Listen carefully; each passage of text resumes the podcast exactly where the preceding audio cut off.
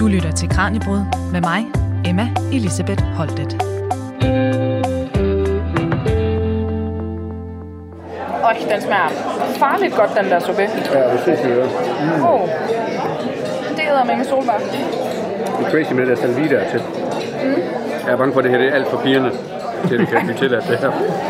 Jeg tror virkelig, at, øh, ja, at Michael, Michael Larsen han vil synes, uh, det her det skal vi ikke uh, spise her. Og lytterne kan ikke se det, men vi har også vin på bordet. Nu er det helt galt. Det er forfærdeligt, ikke? Ja. ja. Her i dagens Kranjebrud, der har vi, som I kan høre, været ude i felten for at blive klogere på fortiden. Vi har nemlig været på besøg i den gamle by i Aarhus for at smage på deres nyfortolkning af Louise Nims berømte vegetarianermiddag, som hun serverede i sin restaurant i Tivoli i 1894. Herigennem der smager vi på den kulinariske mode omkring århundredeskiftet, hvor blandt andet franske pomfrit var det seneste gastroskrig på de danske tallerkener. Men vi skal i særdeleshed også blive klogere på, hvad det betød at være vegetarianer, og hvordan den her helt tidlige danske vegetarbevægelse den blev til. Derfor satte jeg eftermiddagen de to ansvarlige museumsinspektører og kokken bag den her middagsstævne for at tale om ikke bare Louise Nims nydelsesrige vegetarmenu, men også de asketiske tidlige vegetarianers kedelige mad, men farverige fortællinger. Og så skal vi også blive klogere på, hvorfor netop den her madhistorie den er vigtig den dag i dag. Og vi starter derfor med at høre om en af de her tidlige danske vegetarer og hans fremtidsforudsigelser, som faktisk er ret rammende, når vi ser på de klimabevidste plantemadstrømninger, der gør sig gældende den dag i dag. Velkommen her til dagens Kranjebrud. Du lytter til Radio 4. Ja, nu øh, er jeg så kommet her til den gamle by, og øh, jeg sidder sammen med museumsinspektørerne Christian Rasmussen og Søren Tang Rasmussen, og så har vi også køkkenchef Martin Tranekær Bøgsted, som er så stød for øh, de kulinariske kræfter bag nyfortolkning af Nims vegetarianermiddag fra 1894. Og Søren, lad os lige starte med øh, Michael Larsen, en kommunelæge. Han er jo sådan i slutningen af 1800-tallet og starten af 1900-tallet vel på en eller anden måde dansk vegetarisme sådan helt store profil, hvis man kan tillade sig at kalde ham det. Han kommer sådan med en fremtidsforudsigelse. Hvordan er det den her profeti, kan vi vel nærmest sige, han kommer med, den lyder? Ja, altså ham Michael Larsen, han er en rigtig, rigtig spændende figur i forhold til den her historie. Uh, han, han er meget, meget interessant at dykke ned i, og han skriver uh, to uh, to bøger, eller pjæser, kan man måske nok nærmere kalde dem. En fra 1889, der hedder Modehold og Sundhed. Og så i 1901, der udgiver han sådan det store ideologiske vegetarianerværk, som hedder Naturhelbredelsen. En sundhedslære fra et vegetariansk synspunkt. Og den øh, øh indeholder en hel masse gode oplysninger om, øh, hvor fantastisk det er at være vegetarianer. Men på et tidspunkt, der kommer han med nogle fremtidsprofetier. Og der skriver han, at, øh, at der er ingen tvivl om, at at vegetarismen den har en fremtid. Og så siger han, den tid vil med naturnødvendighed komme, da hele menneskeheden vil blive vegetariansk, hvis den der overhovedet ønsker at have en plads på jorden. Altså det vil sige, det gælder simpelthen øh, menneskets overlevelse og omlægger selv fra den der øh, usunde og øh, øh, farlige vegetabilske føde, som vi er så begejstrede fra, til at gå over til at spise øh, rene, ren planteføde, hvis simpelthen menneskeheden skal overleve. Det synes jeg er ret interessant med de debatter, der foregår i dag at det, det lugter sådan lidt af noget, man hører nu, ikke? Altså... Jo, altså øh, lige, lige præcis. Øh, normalt så, så øh, øh, de her, der er faktisk forskellige danske læger, der slår ind på den her vej, selvom der også er mange danske læger, der er stærkt imod dem. Øh, men altså, de taler primært om sundhed. Men hvis man sådan går ned og læser lidt dybere i det, så taler de også omkring det der med, at altså Michael Larsen skriver meget om, om den overbefolkning, som er på jorden. Øh, og den eneste måde, øh, jorden overhovedet er i stand til at opretholde øh, den der mængde mennesker, der er, er hvis vi slår over på en, øh, den, den vegetabilske vej, og det er jo fuldstændig den der debat, der eksisterer. Det, det synes jeg er ret vildt, at han sidder der i 1901 og kommer med sådan nogle profetier om, om, omkring det. Ja, han er så ikke den eneste, der er også andre, der tænker sådan i Europa på det her tidspunkt her. Men det er meget slående. I øvrigt så har han også øh, hensynet til, altså hele, hele det sådan... Øh, hensynet til, til det der med, at han synes, det er forkert at slå så mange dyr ihjel, for eksempel. Mm. Altså det, det, det spiller også en rolle for ham. Men det er primært det der med menneskets sundhed, og så muligheden for, at vi, vi, kan, vi kan overleve på den her overbefolkede jord.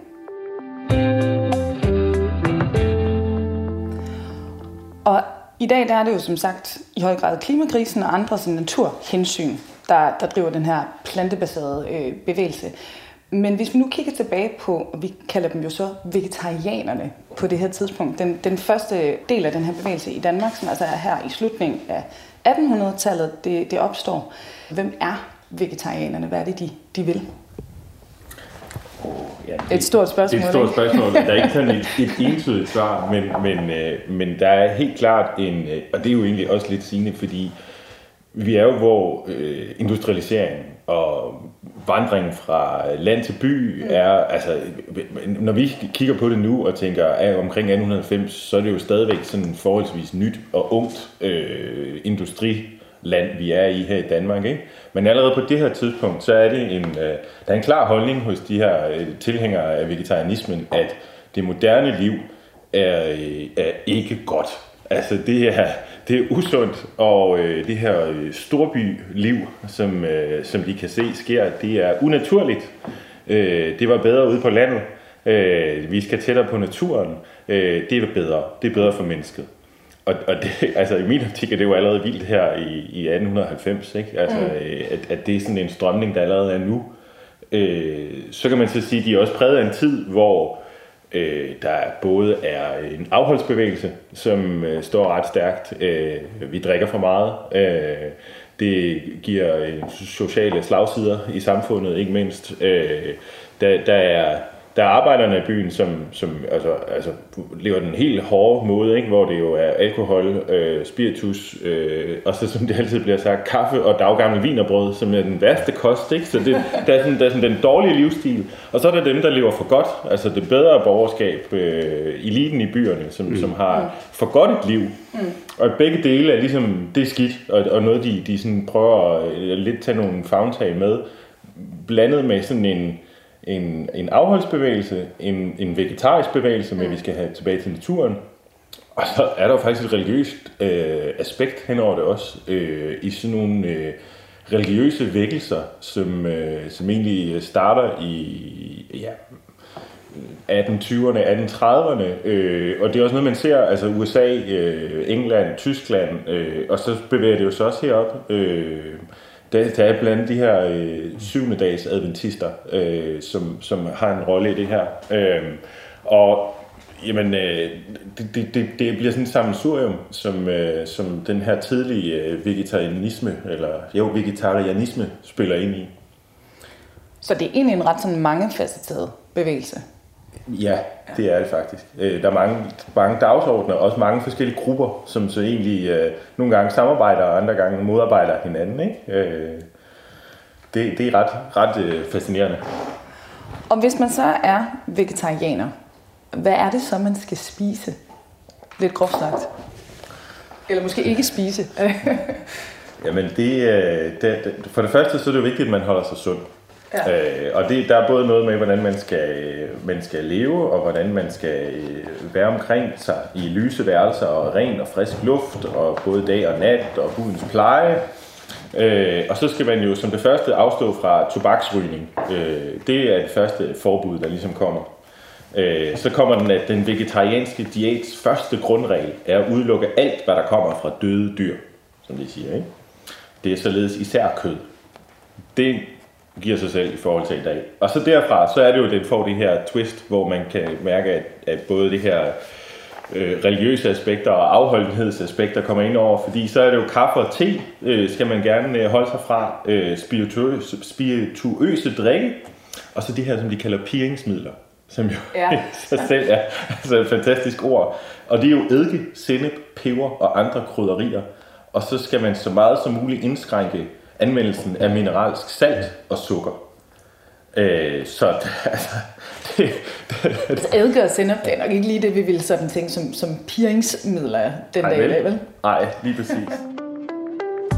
Du lytter til Kranjebrud Radio 4's daglige videnskabsprogram, hvor vi i dag er på besøg i den gamle by for at blive klogere på den tidlige danske vegetarbevægelse omkring århundredeskiftet. Og nu kommer der et andet svært spørgsmål, for vi har lige snakket om, at det er jo en ret mangefacetteret bevægelse, det her. Ikke? Men, men hvem er det sådan typisk, der tilslutter sig den her vegetarianske bevægelse?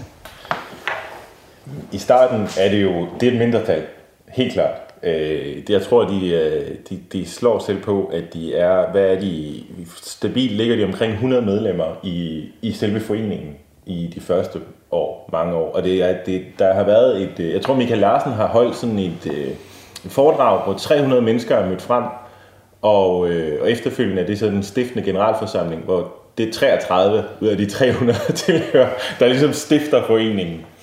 Så i starten er det jo en, en, en lille gruppe øh, mennesker, som, som, som ser det her som en, øh, en mission, de har. ikke. Øh, og så, så ved jeg, at når vi kommer op omkring der første verdenskrig, øh, men der, der kommer der noget, hvor, hvor medlemstallet stiger. Øh, men, men det er sådan en lille, en lille hardcore gruppe. Mm. Øh, ja, så, så er der nok også et, et, øh, et, sådan et, et, et elitepræg omkring ja. det, altså, mm. hvor man kan se, at det er... Øh, Altså det er sådan det, det, det bedre borgerskab, hvor der er nogen i det bedre borgerskab, som, som måske også har haft nogle tanker om det der lidt sådan lidt lige lovlig voldsomme vellevnede, der har været i det bedre borgerskab. Hvor man har tænkt, at det er sådan en... Altså det, det er på en eller anden måde også nogle mennesker, der har overskud til at begynde at tænke i sådan nogle retninger her. Øh, man kan for eksempel se på nogle af de her kongresser, som, øh, som Vegetarianerforeningen holder, at det er sådan tit... Øh, øh, så er der nogle, nogle øh, københavnske skuespillerinder for eksempel med mm. og sådan nogle ting der. Der er nogle... Øh, Øh, altså der er, en del, der er en del læger, og der er en del sådan professorer og professorer fruer med til det og sådan nogle ting der. Så det, det er helt, helt, helt tydeligt øh, øh, samfundets elite, der beskæftiger sig med det her. Øh, og så er der jo, øh, hvad skal man sige, nogle af de her læger, som jo selvfølgelig også tilhører samfundets elite, men de, deres mission er, at almindelige mennesker skal, skal reddes fra dem selv. Okay. Altså det er det, det handler om for dem. Nu hørte vi før, Christian han nævnte det der med de der pigerne ting, man skulle undgå. Altså om, om Michael Larsen og flere af de andre, de taler simpelthen med, at alt, der ligesom falder ind under kategorien nydelsesmidler, det skal man, det skal man, der skal man lægge bånd på sig selv, fordi hvis man først begynder at leve af det der, så får man, så får man ikke noget af det, man skal have øh, for at kunne leve ordentligt. Og man bliver på en eller anden måde fordærvet af det, og det er nok også der, den der, sådan lidt, den der religiøse askese, den sådan meget spiller ind mm. i det. Mm. Men det er vidderligt, fordi at sådan en kommunelæge, som, som Michael Larsen, han ser der i København forholdsvis mange usle ting i, i, øh, i arbejderkvartererne, mm. hvor han tænker, at det bliver man simpelthen nødt til at gøre noget ved, og det er, det er jo helt reelt. Fordi at man har et, et, et samfund, hvor jeg ved ikke, om det er helt rigtigt, at arbejderne de lever af vin og brød og kaffe, men vi ved, at de har, har, ja, altså de har, de har et ekstremt alkoholforbrug, for eksempel, altså som, som er virkelig, virkelig ekstremt i forhold til, øh, jeg, jeg ved ikke, om det er rigtigt at sige i forhold til i dag, hvor vi også har et forholdsvis hæftigt alkoholforbrug øh, gennemsnitligt set, men, men, øh, men vi ved, at, at altså brændevin, det koster jo det samme som, som mælk på det her tidspunkt, så derfor okay. så er der jo et vanvittigt øh, forbrug af brændevin. Ikke? Ja. Øh, så, så det er en, en reel bekymring, som mm. de her læger de har. Øh, men, men man må nok afvise, at deres idéer på nogen måde slår gennem folkeligt, mm. før vi kommer før der sker nogle, nogle, øh, nogle, nogle øh, begivenheder i verden, som, som tvinger en del mennesker til at leve kødløst. Og det er altså den der mangelsituation, vi får under første og under 2. verdenskrig, hvor ganske mange mennesker de får en eller flere kødløse dage om ugen på grund af rationeringssystemer og mangel i det hele taget, men også prisstigninger på fødevarer, der gør, at folk bliver nødt til at leve sådan der. Og man finder jo så ud af, efter øh, Første verdenskrig, at, at folk jo faktisk øh, har fået en bedre sundhed, mm. fordi de spiser meget mere øh, grønt. Mm. Øh, og det jo bare er, er bedre end at leve af kaffe og vin og brød og brændevin og alle de der ting derinde. Så, så på den måde, så, øh, så, så er der altså to begivenheder, der gør, at, at folk de ligesom bliver, bliver sendt over i det.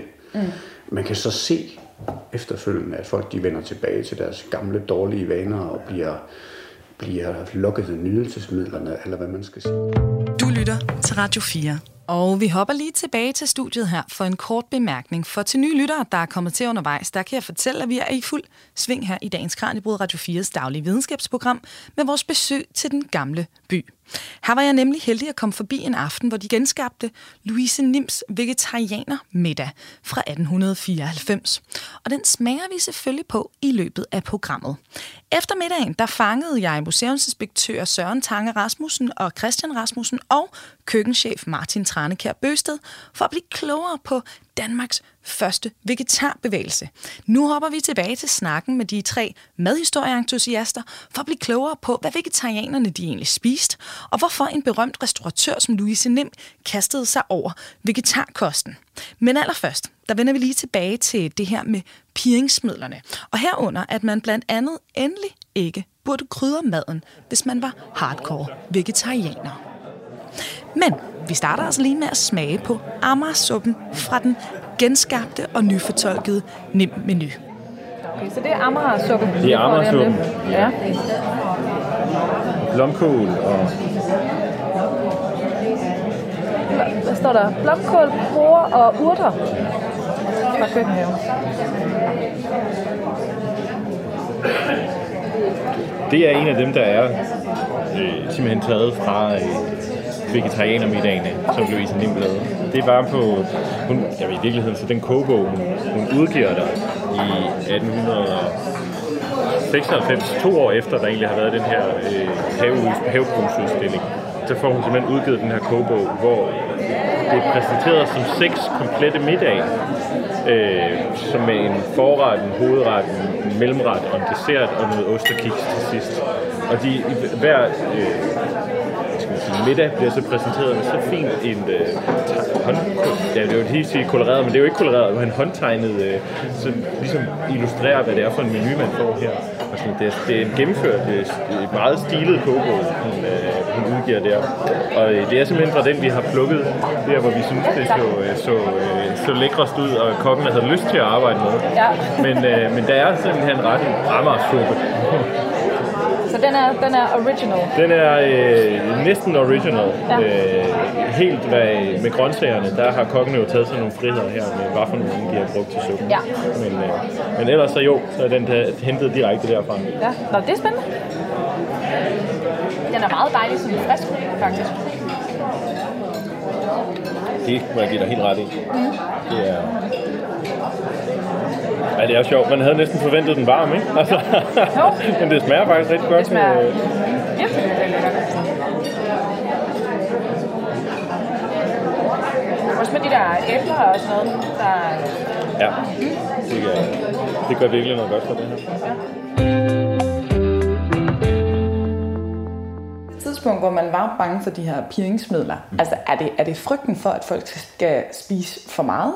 Eller er det simpelthen bare det, at man oplever nydelse, de anser som, som usundt? Ja, Men det, der, der ligger jo noget i den, den religiøse del af det, ikke? og det er jo, det, det er jo sådan, bevægelsen er jo rigtig stor i USA med syvende dags adventisterne, og, og det trækker jo tråde til, øh, altså sådan det hele det her øh, Battle Creek område i, mm. øh, i USA, hvor, øh, hvor øh, syvende adventisterne står stærkt, og, øh, og det starter jo ud med sådan en, øh, en religiøs vækkelse, der tror på, at øh, Jesus øh, øh genkomst i enten 1844 eller 1853, eller sådan noget. Der er en, en af de to, der er sådan en, der tror vi, han kommer. Det sker jo så ikke.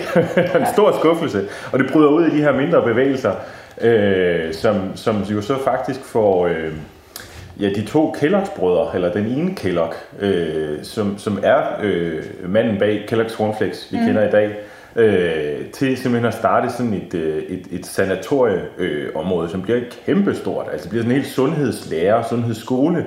Og det, det er klart, at det der religiøse, det, det, det fylder altså rigtig meget i starten. Og det er jo sådan en, altså simpelthen mådehold og askese, fordi det andet er, jamen det, du er jo på vej væk fra Gud ja. med de der piringsmidler. Ikke? Det, er jo, det, det er lidt, lidt, lidt hardcore ikke, i forhold til, hvad vi, forbinder alt det her med i dag.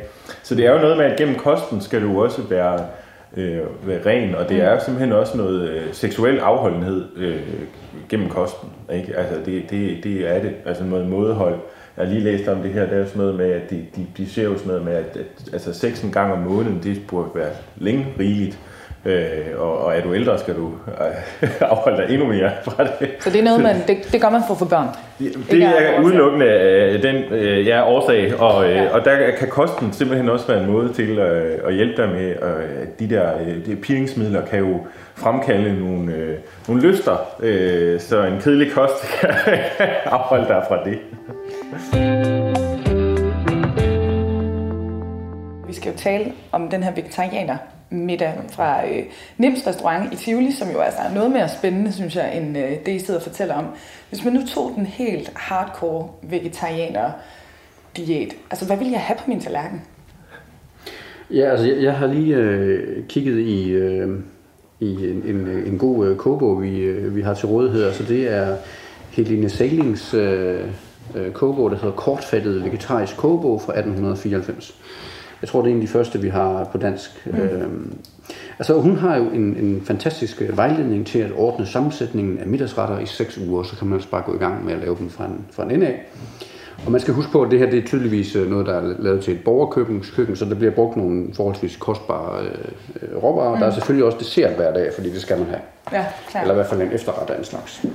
Men der kan man se, at altså, det er øh, for eksempel en, dag, en, en, en ugedag, det er så om tirsdagen, der skal man have asparges med armeridder, og så skal man have nudelbudding med kompot af katrineblommer. Det, øh, det er det, man skal have, hvis man er i, i, øh, i borgerskabet. Og lidt mere, nu skal vi, rykker vi sådan til lørdag, der skal vi have fyldt øh, omeletter. En fyldt omelet med øh, maizena flammeri. Og flammeri det er sådan en form for budding, som jo normalt er lavet med, med, med gelatine. Okay, så mere budding. Ja, men det er det så ikke her, fordi det er lavet med maizena. Okay, ja. ja. Og der er så en lækker kompost med ferskner til. Så det kunne man sådan set, øh, sådan set godt spise det her, øh, og synes, mm. det, var, det var udmærket. Men det er meget sådan noget med, med, med, med en puré af hvide bønner med brunede kartofler til. Sådan lidt en juleret, kan man næsten øh, fornemme, men det er nok fordi, man tænker på brune kartofler på en lidt anden måde på det her tidspunkt. Men der er rigtig meget sådan noget med, med, øh, med, øh, med at man skal, man skal få et eller andet øh, form for grønt omdannet til noget, der kan minde lidt om for eksempel en frikadelle eller en kotelet, eller hvad det kan være, en mm. linsekotelet. Og der er det jo, at, vegetarianerne i, øh, ja, fra ja, lige 1898 eller noget den stil der, kan begynde at købe øh, fødevarer i noget, der hedder den sanitære fødevarefabrik, mm. som jo lyder spændende på alle, alle parametre. de har jo et forrygende produkt, som de også har hentet over i USA, der hedder, der hedder Pro, øh, Protose, som består af, øh, øh, det består af jordnødder, og så består det af gluten, mm. hvedegluten. Øh, og det er sådan en, en, en slags dåse, øh, man åbner, og så er der sådan en masse i, som, øh, som, bliver til, som, som man simpelthen kan forme, som man har lyst til, og den kan man så lave til protose koteletter eller protose frikadeller, eller blande det op med forskellige grøntsager, så man kan lave en eller anden slags rand og beklæde det med nogle andre grøntsager, sådan at det egentlig kan ligne, komme til at ligne øh, de der kødretter, som man kan finde i Frøken Jensens kogebog, mm. eller hvad det nu kunne være øh, fra den tid der. Øh, som, som det handler meget om ved hjælp af de her ting fra den sanitære fødevarefabrik, øh, at man, man, øh, man skal lave noget, der minder om, om det, der hører til i det almindelige køkken. Okay, så altså det her med erstatningsprodukter og plantefars og sådan noget, som vi synes er sådan rimelig hip nu, altså der har de også haft erstatningsprodukter allerede dengang. Ja. Ja, ja, det har de faktisk. Øhm, men det er så også det, de faktisk får hug for i pressen. Okay. Ikke? Mm. Altså når øh, journalisterne så skal beskrive det der med, ah, det er altså bare en dårlig efterligning. Ikke? Altså, og de, de, de får, får virkelig meget hug i starten om, hvor tavlig den her øh, erstatningskost er. Ikke? Og det skal ligne, men det er det langt fra. os. Altså. det, øh, det er jo lidt den samme diskussion, man nogle gange har i, i dag. Øhm, og apropos det her med, med fortiden og nutiden. I har jo taget Nims menu, altså den her vegetarianer menu, og så har I lavet en refortolkning af den i, øh, i jeres restaurant. Lad os lige starte med Louise Nim og Nims restaurant. Hvad er det, der er på spil her i Tivoli? Hvad er det for en, en restauration? Jamen, Nimb er, øh, Louise Nimb og hendes mand Wilhelm er jo et, øh, jeg vil lige vil sige high society. De er, de er i hvert fald øh, ret, ret langt op i øh, det bedre borgerskab i København, mm. og, øh, og, og er jo simpelthen restauratører, og, øh, og så efterfølgende bliver Louise jo så kogebogsforfatter, øh, som, som virkelig nyder en succes, øh, som jo også sker i det her... Øh, altså det her by, byliv øh, i København, der er ved at opstå. Ikke? Vi har et bedre borgerskab, der vil ud at spise. Mm. Øh, og øh, der lærer Louise Nimten, som lidt som jeg tror, jeg sagde til middagen også, hun lærer dem simpelthen at spise fint. Øh, og og det, det, gør hun, øh, det, det gør hun, jeg tror hun får restauranten i Tivoli, som er Divan 2, det er ikke Nimp, det er hendes døtre, mm. øh, der efterfølgende øh, åbner restaurant Nimp i København, mm. øh, som jo er den dag i dag. Øh, men det siden øh, 1877 øh, overtager hende og hendes mand faktisk øh, Divan 2 i, øh, inde i Tivoli. Mm. Og, øh, og så der i 1894, der er der jo så en øh, dansk gartnerforening, der øh, laver en større havebrugsudstilling, øh, der både skal fremme øh, ja, øh, buske og pryde øh, blomster og frugttræer, men, men også i virkeligheden de her øh, afgrøder, øh, grøntsager, øh, frugt og grønt, som vi egentlig kan producere mm. rundt omkring. Og, øh, og i den anledning, der, der får NIMB jo den her egentlig øh, ret modige idé at øh, simpelthen servere øh, vegetarianermiddag mm. øh, under den her udstilling. Øh, og det er jo, altså vel at mærke, i 1894, øh, Dansk Vegetarisk Forening, eller Dansk, øh, hvad var det, den kaldte sig? Øh, den kalder sig Dansk Vegetarianerforening. Den blev jo faktisk først stiftet i 1896. Så, så vi, er jo, vi er jo lige i, at der ikke engang er en vegetarisk forening endnu herhjemme. Men der er selvfølgelig øh, ideologien, øh, for os fra nogle af de andre kogebøger, vi lige har hørt og sådan noget. Ikke? Men jeg synes faktisk, hun er ret fremme i... Øh, i skoene med at, at servere vegetarianermiddag. Hun har, må have fornemmet, at der, der, er en, der må være en velvilje i, øh, blandt kredser af det bedre borgerskab i hvert fald til, at, at man gerne vil spise vegetarisk. Øh, og, det, og det skriver hun jo så i to år senere, udgiver hun jo den her kogebog, mm. øh, og siger, at det var en, en kæmpe succes. Øh, lykken var faktisk så stor, at Louise Nim udgav en kogebog, ikke? Og, øh, og, det, og det er jo, er jo simpelthen, fordi hun er blevet bedt om det, skriver hun i foråret til kogebogen. Hun er blevet spurgt så mange gange om opskrifterne på de her retter, så nu skulle alle kunne lave dem derhjemme. Og er det, er det de sider, vi sidder med øh, her? Er det fra kogebogen? Det er fra kogebogen. Ja. Jeg har bare lige taget... Øh, det er jo dem, hvordan de bliver præsenteret. De, øh, hun har seks forskellige vegetarianer middag, hvor de, jeg tror, det er en 4-5 serveringer, øh, der er. Og så efterfølgende er så opskrifterne på hver ret øh, gengivet i kogebogen. Og de er jo meget flot dekoreret, kan vi se. Altså, der er gjort noget ud af det, ikke? Ja, det er det virkelig. Ja. Det, er, øh, det er nok en af de, de de flotteste illustrerede kogebøger på den her tid, vil jeg sige. Øh, altså, men det gør hun også i sin egen kogebog. Hun udgiver en almindelig kogebog i mm. 1888, mm. fru Nems kogebog, hun simpelthen hedder, og det er jo, altså hun er jo inspireret af det moderne. Mm. Øh, det moderne køkken, internationale køkken, der kommer udefra, det er det franske køkken, det er haute cuisine, men hun har også været i Tyskland, og øh, hun har også været i England, og hun har, altså, men, og bestemt ikke ked af det danske køkken heller, men mm. hun for, for, formår ligesom at gør det det bedste af det, ikke? Ja. og kombinere det, og få det danske køkken ind i den her moderne øh, stil, der kommer på det her tidspunkt. Ikke? Så det, og det er også det, man hører, øh, skal man ud og spise i København, så spiser man fransk, eller man spiser dansk. Mm. Og dansk, det kunne så være sådan helt smørbrøds... Øh, der er jo flere smørbrødsrestauranter, der mm. åbner fra 1880'erne og frem, ikke? Og den franske stil, jamen det er simpelthen Louise Nim, øh, der er med til at, at få den ind, som at det, det er det, man gør, når man skal ud og spise. Ikke? Og så formår hun så bare at skrive ja, tysk, engelsk og dansk køkken ind i det, ja. og, og ligesom give det sådan et, øh, et, et, et præg af, at lave det lækkert mm. og flot. Ja, og det var jo, altså vi fik jo pomfrit. Øh, det synes jeg var øh, enormt dejligt, da vi spiste middagen. Du lytter til Kranjebrud med mig, Emma Elisabeth Holtet. Og øh, altså, apropos det her med, hvad der er moderne, er det også derfor, I har valgt at genskabe, altså I har selvfølgelig refortolket den, men er det også derfor, I tager det her med, med vegetarianerbevægelsen op nu i den gamle by? Altså, jeg tror, udgangspunktet det var jo, at vi har vores haver herude, og vi har vores gardener, der passer dem, og der vokser en hel masse ting nu her. Det er lige sæsonen i august, hvor det hele kommer op, og vi har tit været svært med lige at ramme den sæson med et arrangement, hvor vi også har kunne bruge, bruge de råvarer, mm. vi har, fordi der er en masse masse historiske grøntsager, historiske urter og sådan noget. Så jeg ved ikke, om det var ligesom bare første spadestik, men omvendt så har vi også tit lige kredset lidt omkring det, for netop fordi der var så meget sjov historie i det. Øhm, så, så det var jo måske lidt udgangspunktet, og så, så opstod muligheden, og I var jo begge to friske og fuldstændig engageret. Vi kunne godt lave til et museum eller restaurant bare til det her næsten, fordi det, det, er, jo, det er jo sindssygt spændende. Ja. Øhm, Jamen, og Martin, der var, der var jo en del af grøntsagerne, det kan være det, fordi jeg ikke er kok og ikke ved særlig meget om det, men der var der en del af dem, jeg faktisk ikke rigtig kendte, altså vi fik på, på tallerkenen der i løbet af aftenen. Det er også fordi, de er ret, ret unikke, mm. øh, og daterer tilbage til ja, start af 1900-tallet i hvert fald. Øh, meget af det er også importeret, mm. altså efter en lidt kolonisering ude i verden og sådan noget. Noget kommer fra New Zealand, og noget fra Lina et andet sted, som er så blevet taget med hjem. Så, så på den måde er det også lidt unikt, og selvfølgelig kan de fås derude, mm. men, det, men det er ikke noget, der bliver, man, ikke lige, man finder det ikke lige nede i Netto eller Føtex Du lytter til Radio 4. Martin, hvordan har I så grebet den her øh, opgave an, især i jeres køkken? Altså nu er det ikke, fordi jeg har fordomme omkring den gamle by, men jeg tænker måske lidt mere sådan stegt flæsk normalt på menuen, end jeg, end jeg tænker vegetarianer middag. Hvad, hvad gjorde I, da I skulle rekreere det her? Øhm, jamen, vi har selvfølgelig dykket ned i, i vegetarianer middagene, som der var. Øh, der var jo seks forskellige, og de, det er jo så lige det der med at ramme sæsonen.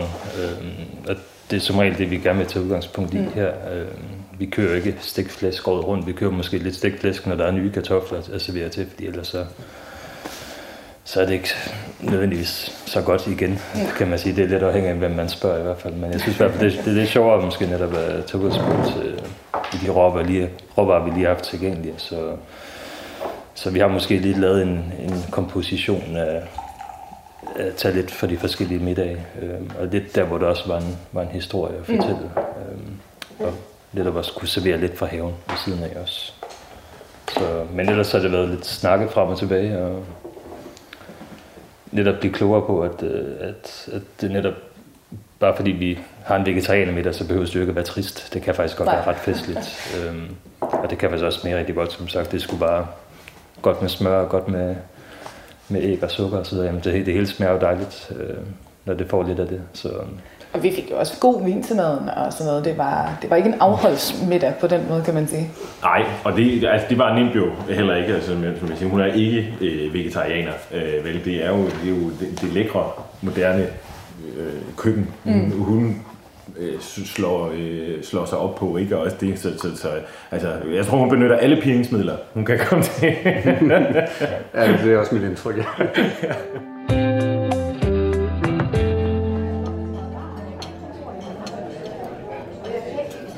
har vi fået, hvad var det så? Det her det er hovedretten, så det er kålrouletten, der er kommet. Med pomfritterne. Pomfrit. Pomfrit. Undskyld, ja, det skal, det skal siges fransk. Fint, det skal siges fint fransk. og det er jo den her, hvor det er, som sagt, de gratinerede øh, snittebønner mm. øh, og pomfritten, som øh, har været en, en ret hos Nemt i Tivoli. Ja. Og jeg tror, kålrouletten, jeg, jeg kan simpelthen ikke huske, om den var en af dem også, eller om den er faktisk taget fra, øh, fra en af de her hardcore øh, vegetarianske kogebøger. Der er i hvert fald kålroulader med. Det, altså, ja. Altså på en eller anden måde, det ser jo enormt moderne ud, når man ser de der pomfritter, ikke? Altså fordi så, nu ligner det noget, man kender. ja. Det er rigtigt. Og sige, i dag har pomfritten måske heller ikke helt så blakket et ry. Fordi det, hele den der øh, bøf bølle mm. der kom mash-restauranterne og, ja. og sådan noget, ikke? Og som af Francis Cardinal og store folk der ikke, det gjorde ligesom, jeg synes, de gjorde lidt, de lovlige gjorde lidt pomfritten igen, ikke? Jo, jo. Nok også egentlig brødende prisen, ikke? I deres... Øh, ja, mere smør. Kær, ja, og kærlighed til fritøsen, ikke? Den jo. er jo sådan en... Øh, jo, og men, øh. Altså jeg vil bare sige til lytterne, at nu, nu slukker jeg for mikrofonen igen, for det her det bliver jeg nødt til lige at sidde og, og koncentrere mig om, kan jeg godt mærke. Og hermed hopper vi tilbage til studiet, men vender straks tilbage til pomfritterne, eller pomfrit, som det altså hed på Nims menu. Vi er nemlig i fuld sving her i dagens Kranjebrud med at udfritte de tre madnørder bag den her historiske middag, og det er den gamle bys museumsinspektør, Christian Rasmussen og Søren Tange Rasmussen og køkkenchef Martin Tranekær Bøsted. For i dag der bliver vi klogere på den tidlige danske vegetarbevægelse omkring århundredeskiftet. Nu hopper vi tilbage til vores snak med Martin, Christian og Søren efter maden. For nu skal vi nemlig dykke ned i, hvordan den her madhistorie ikke bare gør os klogere på vores fortid, men også på vores samtid. Og øh, det var selvfølgelig ikke alle danskere, der kom på Nims restaurant i Tivoli, så vi starter lige med at høre lidt om den folkelige mad tilbage i 1890'erne. Du lytter til Radio 4.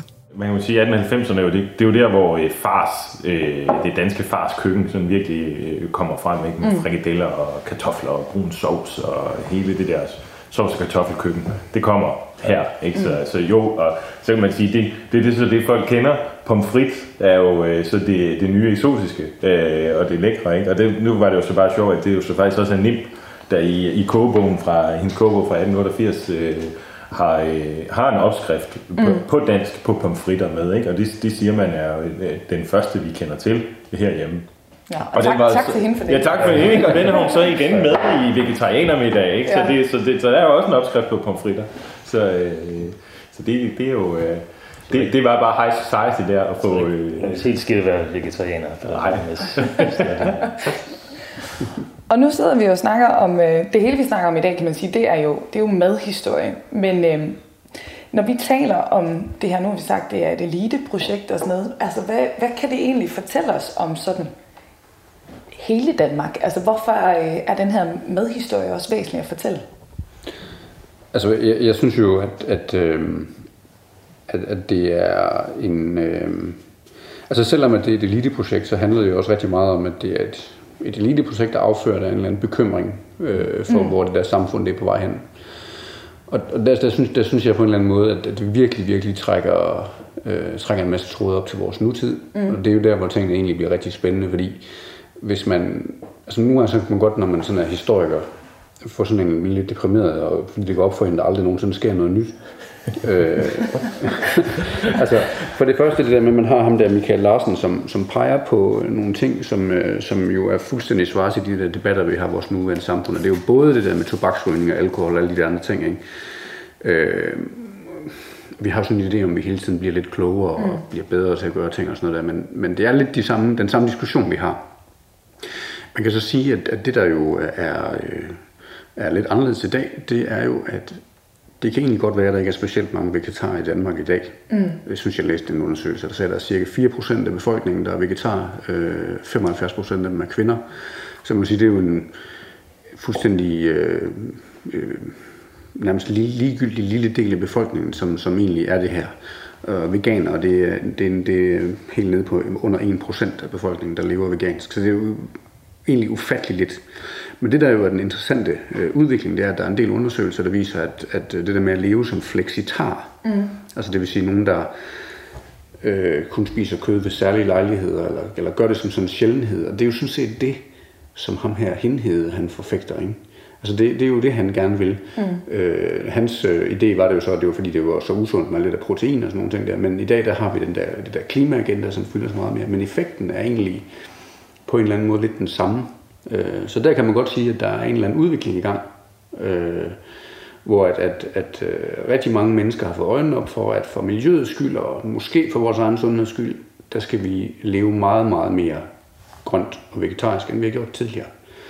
Øh, det er i hvert fald en, en ret almindelig holdning. Det kan godt være, at den mest slår igennem de større byer og, mm. og blandt yngre mennesker og sådan nogle ting der. Men der er en del undervisninger, undersøgelser, blandt andet noget, der er lavet af Coop omkring deres salg, mm. øh, og sådan noget, der viser, at, øh, at der, der er noget med omkring 20 procent af yngre mennesker eller sådan noget i Danmark nu lever fleksitarisk, og det er jo, er jo pludselig rigtig mange mennesker, vi snakker om her nu. Så der er en eller anden udvikling i gang, øh, som, som har nogle historiske tråde, som jeg synes er ret bemærkelsesværdige omkring det her. Mm. Øh, så, så en, en på alle måder interessant udvikling. Du lytter til Radio 4. Og nu, hvis vi kigger på i dag, altså vi har øh, undersøgelser over, hvad befolkningen spiser, men hvis vi skal gå tilbage til slutningen af 1800-tallet og starten af 1900-tallet, altså hvad har vi af historiske kilder der i forhold til danskernes madvaner, men også madkultur? Hvad har I at arbejde med som historiker? Ja, altså vi, øh, vi har jo den, øh, den øh, fordel, at vi jo på det her museum har en hel masse historiske kogebøger i vores samling, som mm. jo er, er rigtig, rigtig interessante at læse i. Så en anden kilde, som jeg virkelig vil øh, anbefale alle, den kan man bare lige komme i, hvis man har lyst til at bruge, øh, altså bruge det kongelige bibliotek, eller statsbiblioteket, som det jo hedder her i Aarhus, som har en fantastisk hjemmeside, hvor man mm. bare kan søge på de her historiske kogebøger. Rigtig mange af dem, dem har de scannet ind, så man kan bare downloade dem, og det gælder faktisk også øh, øh, Michael Larsens øh, profeti, øh, kan man finde øh, derinde og bare downloade den og læse. Så det er egentlig lige til at gå til, hvis man er interesseret i det. Men noget, som, øh, som, jeg, som jeg har rigtig meget glæde af, og også ved jeg også Christian, det er, er, er simpelthen øh, den her store skat af danske aviser, man også kan mm. læse på det kongelige bibliotek. Øh, det der med at, at læse typisk de der husmodersektionerne i de her aviser, og der diskuterer de jo rigtig, rigtig meget madhistorie deri. Og det, der er interessant ved de der husmorsektioner, det er, at det er ret tit sådan lidt brevkasseformat, eller det er husmøder, der laver en, en spiseseddel for en uge og sådan nogle ting der. Og der tror jeg faktisk, at man kan, fordi der er en diskussion omkring, der er nogen, der giver nogle tilbagemeldinger på nogle opskrifter og sådan noget der, så ved man, at det er noget, der er blevet lavet, hvor man kan sige, at vi har jo alle sammen mange kogebøger stående derhjemme, og jeg har nok lavet en promille af de der opskrifter, jeg har i mine kogebøger derhjemme, så man kan ikke helt vide, om maden egentlig er blevet lavet. Men de der, de der spisesedler fra aviserne og opskrifter, der er der, de er tit blevet afprøvet, fordi man kan se, at der er en diskussion om dem, hvorvidt de er gode eller ej. Øh, Så det synes jeg er en rigtig god kilde til at finde ud af, hvad folk rent faktisk spiste mm. øh, i de der perioder. Det er de også. Det, vi er faktisk også en tid, hvor øh, myndighederne begynder at have noget fokus, især på arbejderklasserne, med, hvad er det egentlig for en kost, de får. Mm. Så der er lavet sådan nogle større undersøgelser. Øh, nogle gange er det kun en by, og andre gange er det sådan forsøgt i, øh, hvordan har de det, hvordan har arbejderklassen det i, øh, i byen, og hvordan ser øh, tilsvarende ud for, for landbefolkningen, som de prøver nogenlunde at sætte samt, sådan, øh, ens indkomst og nogenlunde øh, øh, boligforhold og sådan noget. Og så prøver de faktisk at beskrive tit, hvad er det så for en kost, de får. Og de der undersøgelser er jo sådan, ja, de kan jo findes på Danmarks Statistik, øh, og giver jo også et interessant indblik i, hvad er det for en, en kost på det her tidspunkt. Mm. Øh, det er sådan de, de lavere klasser, og så er det jo i det bedre borgerskab er der jo så faktisk rigtig mange, der har ført dagbøger og i brevvekslinger og sådan noget, hvor de jo fortæller om deres middag. Øh, som, som øh, er et rigtig godt sted også at finde oplysninger om, hvad folk egentlig spiste. Mm. Øh, det, det kan så tit også være festmiddagerne især, ikke, der bliver fortalt om.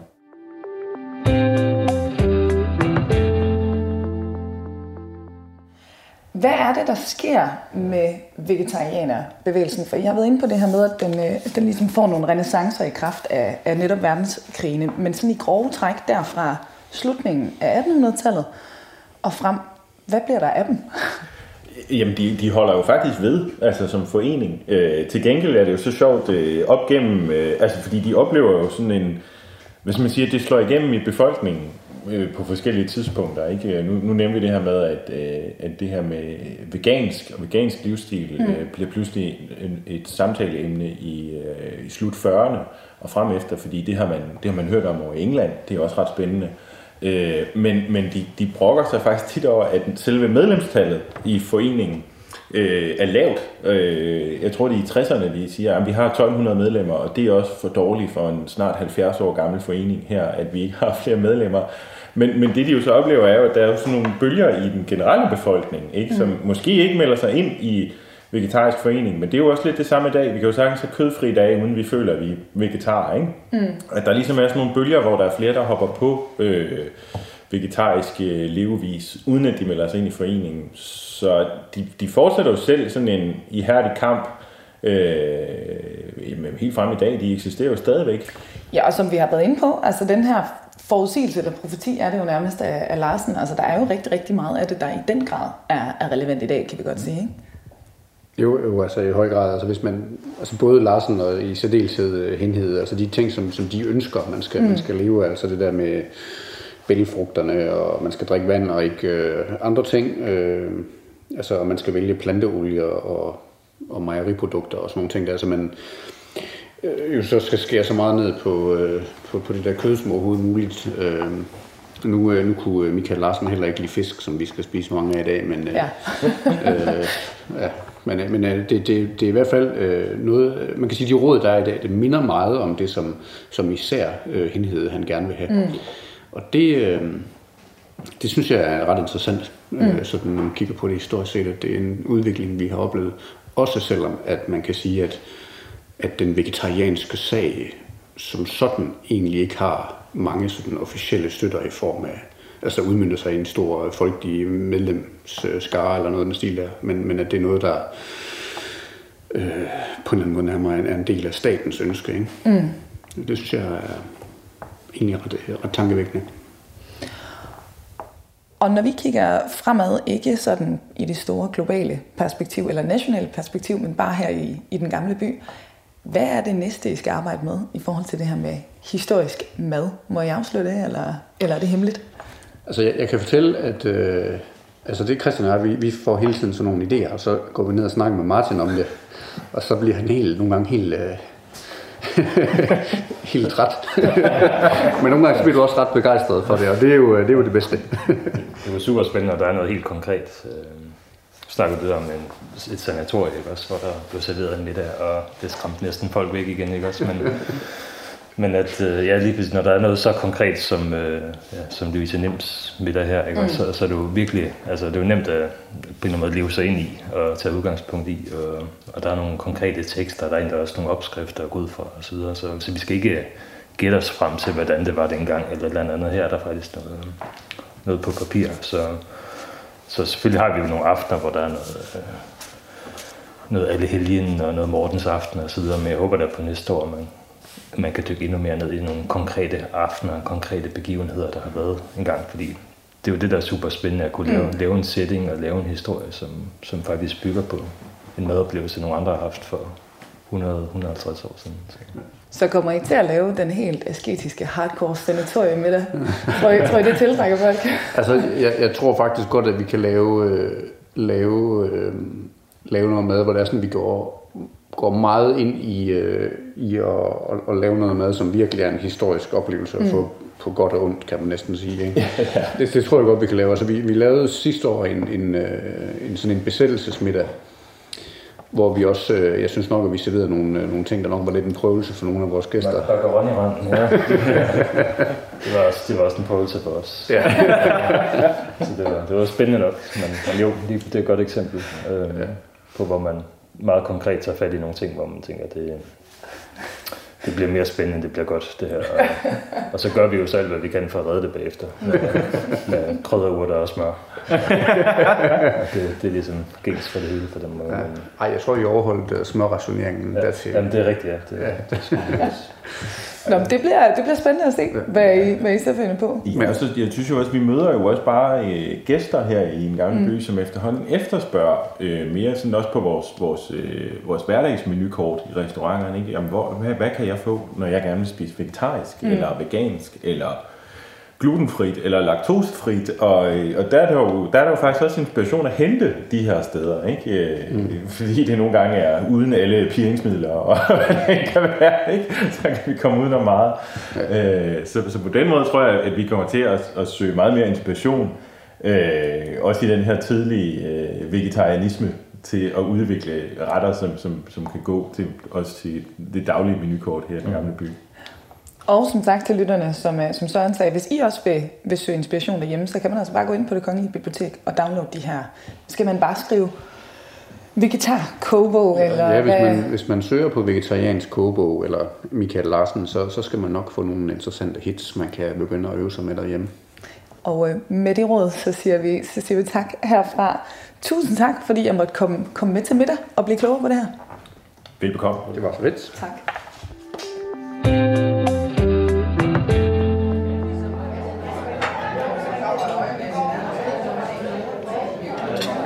Er favoritten så? Hvis man kigger på alt, vi har fået.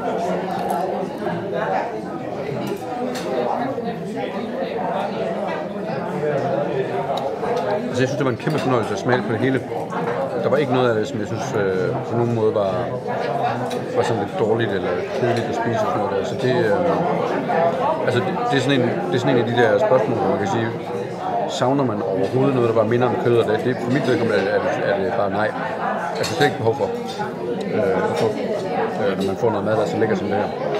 Øh, men hvis, hvis jeg skal svare på det, så dengang vi helt, helt fra begyndelsen, hvor der var den der, den der krokette mm. af det der rodfrugt, den, den, den, den smagte simpelthen så godt, at det var helt vildt. For, lidt for mig. Og så vil jeg sige, den der, den der selleri puré, som var til hovedretten, den, den var også sindssygt god for mig. Den var silkeblød. Altså, ja, den har den virkelig stået og, og, og kærtegnet for.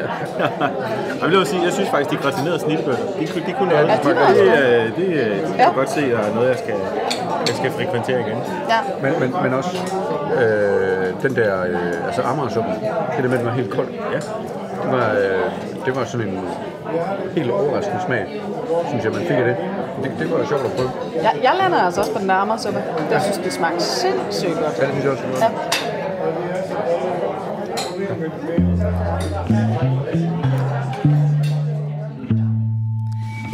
Ja, og med yndlingsretterne på plads, der siger vi farvel her fra den her omgang Kranjebrud, hvor vi altså i dag forlod studiet for at blive klogere på og smage på den tidlige danske vegetarkost og vegetarianerbevægelsen.